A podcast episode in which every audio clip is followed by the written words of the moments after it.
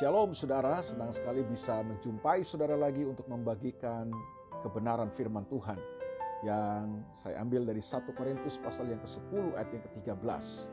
1 Korintus 10 ayat yang ke-13.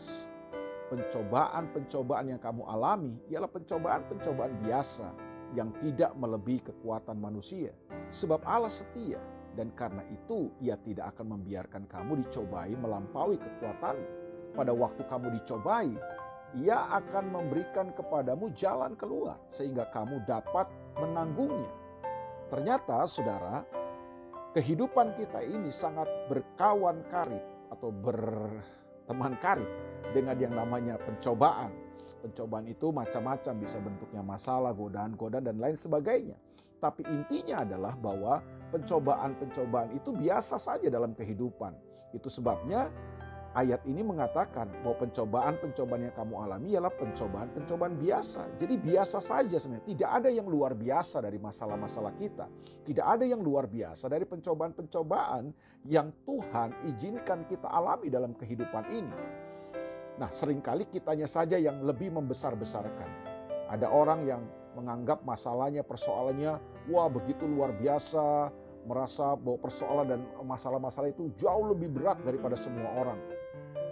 Padahal Alkitab berkata pencobaan-pencobaan yang kita alami itu pencobaan yang biasa. Itu sebabnya jangan terlalu membesar-besarkan masalah.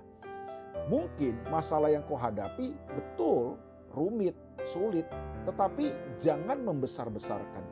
Semakin kita membesarkan masalah-masalah atau pencobaan-pencobaan kita, maka dia kelihatan akan jadi lebih besar dan sehingga apa yang terjadi kita tertekan, kita terhimpit dan kita kehilangan biasanya kekuatan kita untuk menghadapinya. Nah, percayalah saudaraku, Alkitab berkata bahwa pencobaan yang kita alami adalah pencobaan yang biasa. Masalahmu adalah masalah yang biasa. Tuhan lebih besar daripada masalah kita. Yesus Kristus lebih besar daripada semua situasi kita.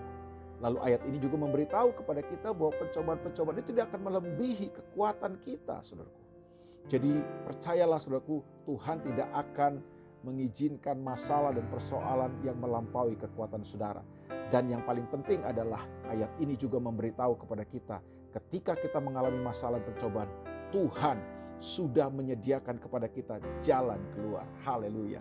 Jadi ada jalan keluar yang Tuhan berikan dan sediakan buat setiap masalah, persoalan dan pencobaan yang kita alami. Sehingga katanya kamu dapat menanggungnya. Dan masalahnya di sini, jalan keluarnya bukan jalan keluar menurut kita. Jalan keluarnya adalah jalan keluar menurut Tuhan.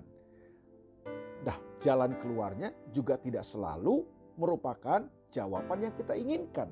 Ada kalanya Tuhan memberikan jalan keluar kepada kita bukan jawaban seperti yang kita inginkan, tapi Tuhan memberikan kepada kita jalan keluar dalam bentuk kemampuan dan kekuatan untuk bisa menanggung masalah dan pencobaan itu.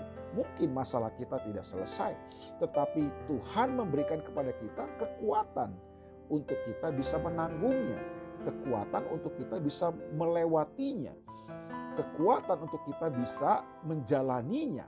Nah, itu pun adalah jalan keluar. Persoalan terbanyak dari kita adalah kita mau memframing jalan keluar Tuhan dengan cara berpikir kita. Kita mau memformulasikan jawaban-jawaban Tuhan terhadap masalah-masalah kita dengan cara berpikir kita. Hari ini jangan batasi Tuhan. Yang perlu engkau yakini dan percayai bahwa buat setiap masalahmu Tuhan sudah memberikan kepadamu jalan keluar. Tuhan mau menyatakan jalan-jalan kepada kita. Bukan sekedar memberi jawaban, tapi dia mau menuntun kita kepada jalan-jalannya. Itu sebabnya jangan jadi orang Kristen yang cuma sekedar mau lihat mujizat, lihat jawaban. Tapi jadilah orang Kristen yang mau dituntun dan dipimpin oleh Tuhan. Selamat mengalami jalan keluar daripada semua situasi saudara. Tuhan memberkati saudara. God bless you.